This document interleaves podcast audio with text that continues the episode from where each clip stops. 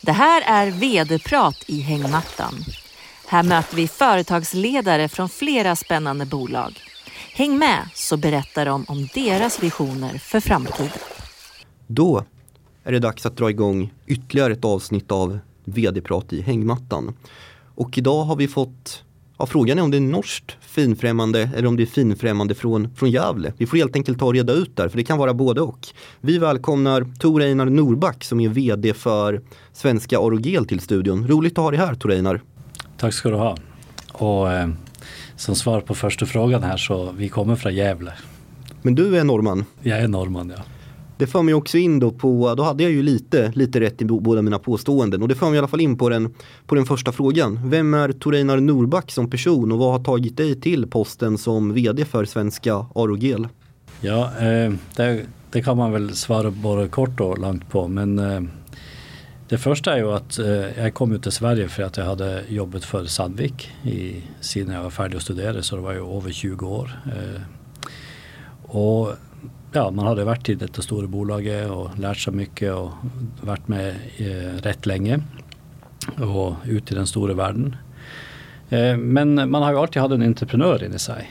Eh, och så dök den här möjligheten upp då med att eh, man kunde få lov till att ta ansvaret för att ta det här bolaget från en forskningssituation eh, som det var i eh, och hade väl varit i, i 15, nästan 15 till 20 år. Och så var eh, lägen för att ta det där in i en kommersiell, eh, det blir en industriell kommersiell verksamhet. Och den förändringen var jag jättesugen på att ta eh, och är jätteglad för att ha fått den och nu har jag gjort det i tre och ett halvt år. Hur skulle du då summera de här första tre och ett halvt eh, åren på posten som du har spenderat? För det känns som att det har hunnit hända en, en hel del. Det stämmer. Det var ju, när man tar ett bolag ifrån forskningsvärlden så är det klart att det första vi gjorde det var ju att bygga produktion. Eh, produktion var en förutsättning för att vi skulle ha ett produkt att sälja. Och också för att eh, de lite större kunderna skulle se på oss som en, eh, en attraktiv och värdefull leverantör av det här materialet. För de kräver ganska stora volymer. Det nästa var att vi var också nödt till att fokusera väldigt på vad kundens behov är Eh, och bygga upp kompetensen på kundens applikationer så att vi hade möjlighet att kunna hjälpa kunden i sin produktutveckling. För det var ju inte bara produktutvecklingen av vårt material som måste genomföras. Vi måste ju också lägga till och förstå vad är det som är kundens produktutveckling för att kunna använda vårt material för att få de egenskaperna som vi levererar. Eh, så det har kanske varit den stora arbetet arbete som vi har gjort de sista tre åren. Om du pratar med en person som är helt ny inför svenska Arogel och kanske ja, inte ens hört talas om bolaget tidigare. Hur skulle du då sälja in bolagets verksamhet till den här personen? Bolagets innovation kan du säga det är att, att man eh, kan producera ett aerogelmaterial. Eh, det här på ett mycket mer effektivt och hållbart sätt än traditionella aerogel. Och det är liksom hela vår affärsideologi eh, också. Att vi kan producera det här materialet på ett effektivt sätt och ett hållbart sätt som gör att vi kommer att vara konkurrensduktiga. Och att vi kan också gå in i marknader som traditionella aerogeler inte kunde ha gjort på grund av sin prisposition. Eh, de egenskaperna som vi bidrar med er är hållbara egentligen i alla dimensioner för att de applikationer som vi, eh, som vi jobbar med hos kunder det, den bidrar till att spara energi, spara material, reducera vikter. Det är säkert för att det, er, det brinner inte och det kan också skapa säkra lösningar för, for folk som, som jobbar i industrin. Hur skulle du då beskriva kulturen inom bolaget? För det som du säger att det har ju hunnit hända en en hel del och då antar jag även att kulturen förändras lite med, med det som sker, att man hänger med liksom i, i tempot och utvecklingen så blir det lite annan, andra former av ramar där. Ja, eh, både och eh, vill jag säga det. Eh, bolagets DNA vill vi ju ta med oss också. Det är ju att vi har ju väl avancerad produktutveckling. Eh, och man har ju forskat och utvecklat vårt eget produkt över många, många år. Och det här tar vi ju med oss vidare. Eh, och det har varit viktigt. Så det är liksom en, en, en bro in i, eh, till historien och in i framtiden. Det andra som vi har lagt till är att eh, på, på, samma vis så ska vi också ha samma insikt och kunskap och, och högre förståelse av kundens applikationer eh, för att kunna bistå det arbete som våra kunder gör för att inkorporera vårt material i deras applikationer. Eh, så det som är viktigt för oss när det gäller eh, miljön vårt och kulturen i bolaget är ju att vi jobbar tillsammans alla som, eh, som jobbar hos oss bidrar ju till bolagets värdeskapande.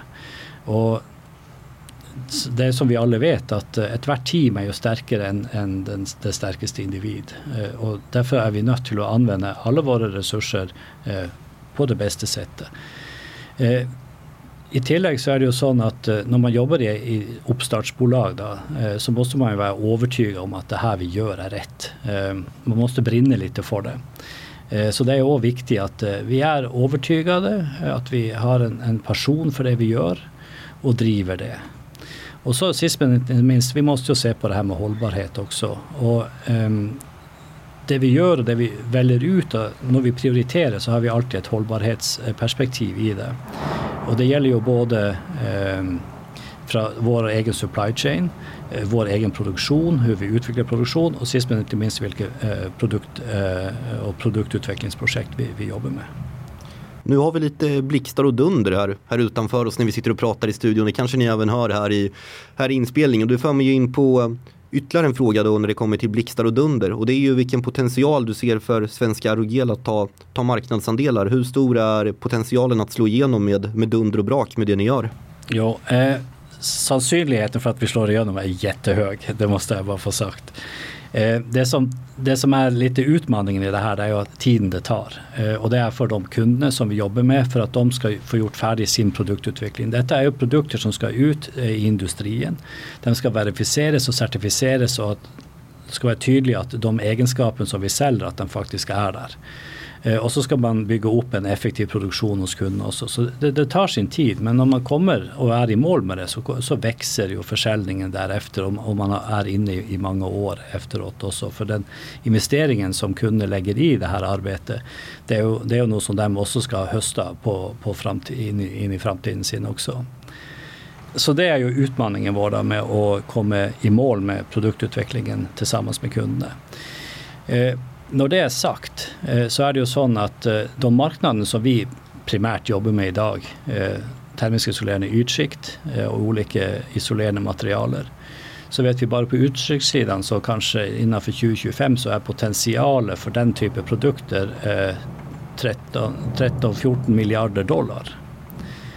Eh, bara innanför de områden som traditionellt använder aerogeler idag så ser man i 2025 kanske man ligger på 10-12 eh, miljarder säck. Eh, det finns ett potential bland oss och våra konkurrenter kanske för eh, att kunna producera material för en 2-3 miljarder. Så det finns ett enormt tillväxtpotential i, i marknaden. Så redan idag vet man att eh, det finns inte tillgänglig kapacitet i det omfanget som, som potential är. Så det ser vi väldigt positivt på framöver och jobbar med tillväxt. Jag har ju hört ännu flera, flera blixtar här i bakgrunden. Det slog verkligen till med lite lite oväder så här i studion i Stockholm vid eftermiddagstiden den här måndagen då i början på veckan. Men den för mig också in på, på liksom frågan med hur man då kan blixtra till jämfört med konkurrenterna. För du sa att ni är lite annorlunda aerogeltillverkare om man jämför med andra inom segmentet. Vad är det som gör er annorlunda och unika om du utvecklar på den punkten? Ja, eh, det är ju så att vi jobbar ju eh, också mot de traditionella aerogelmarknaderna. Eh, men vi har ju också eh, på grund av eh, måten vi framställer produkter på eh, möjlighet att gå in i andra segmenter också. Och det ger ju oss en, en tillgång till en ända större marknad. Det som gör att vi har denna möjlighet är det som är det unika. Det är att vi har en, en väldigt hållbar produktionsprocess i förhållande till den traditionella aerogelen. Och det är att vi har en vattenbaserad, den är icke lösningsmedelsbaserad. Eh, vi har en väldigt eh, eh, lite eh, raffinerat eh, råkälla av eh, kiselmaterialet vårt. Vi brukar mindre energi i framställningsprocessen. Vi behöver inte tryck. Vi gör detta i omgivningens tryck och eh, torkprocessen som vi har är också eh, väldigt effektiv. Så det betyder att vi brukar mindre eh, lösningsmedel och mindre energi och mindre utrustning för att få fram ett material med dessa egenskaperna. Ett, ett begrepp som man kommer i kontakt med i anslutning till svenska Arogel det är kvartsen eller kvartsen. Jag riskerar att ta fel på uttalet här men det, det, får jag ta för jag vill helt enkelt höra dig både säga det korrekta uttalet absolut men även gärna då att du berättar mer om vad kvartsen är för någonting för det är ett viktigt begrepp. Det är helt, helt riktigt. Eh, kvartsen som, som vi kallar det eh, är ju eh, produktnamnet på vårt material. Eh, och materialet är ju ett nanoporöst eh, kiseldioxid. Eh, och det är porositeten som ger de här egenskaperna som vi behöver för att kunna ge de isolerande egenskaperna både mot kyla och mot värme. Eh, då fungerar det också mot akustik. Eh, jag nämnde också en del andra egenskaper som det ger också. Det är ju kislets naturliga egenskaper med att det inte brinner. Så det är väldigt stort brandskydd med att använda det. Och ja, det brinner aldrig. Det, det smälter väl runt 1600 grader och går över i ånga väl runt 2400 grader. Så det är eh, basen i det. Så är det ju så att jag nämnt att det är ju eh, nanoporöst. Det betyder också att det kan användas i filtreringsapplikationer också både i, i vatten, eh, så vätskefiltreringsapplikationer men också gas. Och om man tänker på varför det är så unikt då, eh, det är att ett gram av det här materialet, om man kunde vika ut alla porerna så vill man få cirka 500 kvadratmeter. Så det betyder att det är extremt många eh, porer eh, per eh, kubik eh, som man mäter i. Och det är här tekniken ligger i alla dessa små porerna. För det här att luftmolekyler, de kan inte vandra. Så därför isolerar aerogelen bättre än luft som är en av våra bästa isolerande materialen. Någonting som har skett när det kommer då till era produkter här på ja, ganska nyligen i alla fall får jag bilden av det är prishöjningar om sisådär 10 till 20 procent. Kan du berätta mer om vad som får er att göra de här och vad det kommer att ge för effekt? Ja, eh, vi snackar om ekonomisk hållbarhet så det är klart att vi måste också eh, ta höjd för de här förändringarna som sker i världen. Eh, energipriserna har ju stigit en del, råvarupriser och logistikkostnader har ju ökat eh, så det måste vi ju ta höjd för. Och det här är ju för att säkerställa att vi kan fortsätta med den utvecklingen av eh, produkterna våra och produktutvecklingen och stödja kunderna i applikationsarbetet framöver till vi kommer in i den situationen att bolaget finansierar sig själv med eh, försäljningen av kvartsen. Om man då ehm, kikar lite grann eh, framåt här så är man ju nyfiken på, eh, låt säga att vi samtalar här igen om eh, om fyra år. Förhoppningsvis då så har vi inte samma oväder som vi har utanför, utanför fönstret nu men det kanske slår blixtar tänker jag om svenska Arogels verksamhet då. Vad tror du i alla fall att du kommer kunna berätta för mig då som du inte kan kanske berätta idag? Ja, eh, fyra, fem år fram i tid så ser vi för oss att vi har byggt ut den kapaciteten vi har möjlighet att bygga i Gävle. Det vill säga att vi har en fabrik på tusen ton som producerar. Vi har kanske byggt upp ett par eh, produktionsmoduler ute hos stora kunder Eh, som har så stort volymbehov att det inte är praktiskt att producera det i Gävle. Vi har väldigt lätt material så det är mycket luft. Jag snackade om luftporerna eh, och frakter så det finns eh, god ekonomi att kunna sätta upp produktionsmoduler ute hos kunder med stort volymbehov. Eh, så kan jag tänka mig att vi är en två, tre eh, projektet till som har den dignitet eh, på gång också. Och så tror jag att vi har fått på marknaden vår nästa generation kvartsen eh, som vi jobbar stenhårt med. Vi ser för oss att vi ska patentera den tekniken framöver också. Och eh, då kommer vi till att ha ända bättre materialegenskaper och vi kommer till att kunna producera materialet ända mer effektivt än vad vi gör idag. Om man då är VD, ledande företrädare eller på väg att ta en position i, i en ledande roll på ett bolag som är lite likt Svenska Aerogel. Nu har ju du ett par års erfarenhet av den här posten. Vad är det, de viktigaste lärdomarna du har dragit och vad skulle du vilja dela med dig av till folk som kanske är på väg in i samma situation och ge dem för, ja, men lite förkunskaper? Ja, eh, då ska vi börja eh, ytterst och det är marknad. Eh, jag, jag, visste också att marknad var viktig när jag kom till Svenska Aerogel, så det visste jag från förra för jag hade jobbat med marknad i, i över 20 år före också. Men det är jätteviktigt att de projekter och de kunder och de prospects man jobbar med, att de har en marknad på sin sida för de produkter som du har tänkt att sälja till dem. Det måste vara något på andra sidan. Eh, det finns jättemånga potentialer och möjligheter och bra affärscase och så vidare. Men för en startup som tiden är så jätteviktig för så vill det vara att det är de projekter där du ser att det redan finns en marknad eh, bak Eh, den kund du har. Det tror jag är kanske den allra största lärdomen. Annars så ska man eh, eh känna, eh, liksom, man ska använda sin kunskap och sin insikt som man har, lita på den och kanske agera när man känner att man ska agera, inte utsätta någon saker. Hur ser din, din sommar ut här nu Torreinar tänker jag? Ni har ju som sagt, man är vd, ledande företrädare oavsett bolag så alltid mycket att göra. I ett startupbolag kanske den posten ibland kan vara, även om den är kanske ännu roligare också, men ännu lite mer utsatt och ännu mer pressande. Så hur, hur hittar du balansen här i sommar på, på rätt sätt? Vad har du för planer?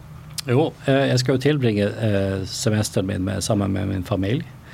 Eh, så vi tänker först att åka iväg till Frankrike och resa lite runt på Rivieran. Eh, därefter så när vi kommer tillbaka igen till Skandinavien och när det är fint väder så är ju Skandinavien ett av de bästa ställen man kan vara i i ferien då, eller semestern sin då. Och då tänker vi att eh, det blir både mycket friluftsliv. Eh, vi har sommarstuga vi kommer att hänga i och vandra lite i fjällen. Och så som du nämner, eh, är man eh, VD så är man lite på alltid. Så det gäller ju liksom att finna den balansen. Men det är lite svårt att låta vara att läsa de där mejlen också. Så man är ju nyfiken då. Så lite arbete blir det också under eh, sommaren.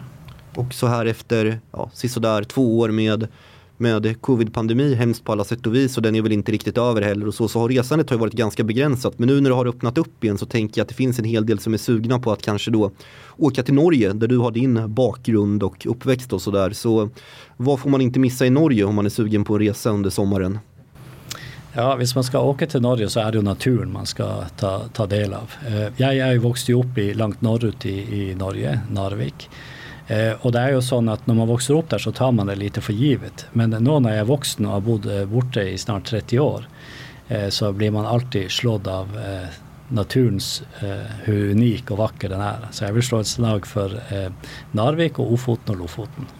Det är trevliga destinationer som jag tror många lyssnare kan relatera till. Och någonting jag kan relatera till och våra lyssnare också så är att det har varit ett intressant samtal och fått lära sig såklart om då Norges geografi, absolut, men kanske framförallt om svenska ROGLs eh, verksamhet, nutidsläge, potentialer, utmaningar och det är helt klart väldigt spännande att följa. Så det ska bli roligt att följa er vidare. Men nu tackar dig Tor Einar Norback för att du tog dig tid här med vd-prat i hängmattan och önskar dig och svenska ROGL all lycka framöver. Stort tack!